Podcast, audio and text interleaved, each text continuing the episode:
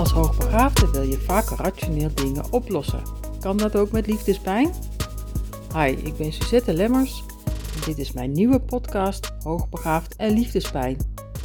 Heb jij hierover vragen, zoals is de bedrading in het brein van hoogbegaafden anders, waardoor je liefdespijn heftiger ervaart?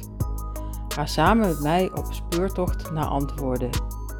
Deze podcast is voor nieuwsgierige hoogbegaafden die alles willen weten over hoogbegaafdheid en liefdespijn en de dingen die ermee kunnen samenhangen, zoals hooggevoeligheid, narcisme en trauma. In de allereerste podcast die binnenkort wordt gepubliceerd, hoor je het verhaal van pseudoniem Ellie, die anoniem een interview had met Astrid Joosten voor het boek Onmogelijke Liefdes. Nu komt ze met haar intense verhaal naar buiten onder haar eigen naam Sheila.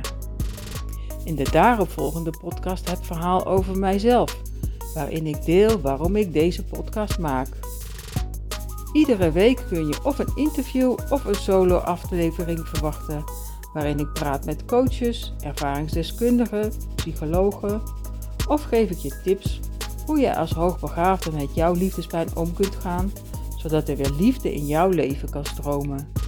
Abonneer je op mijn podcast, zodat je iedere week kunt luisteren naar boeiende onderwerpen over hoogbegaafd en liefdespijn.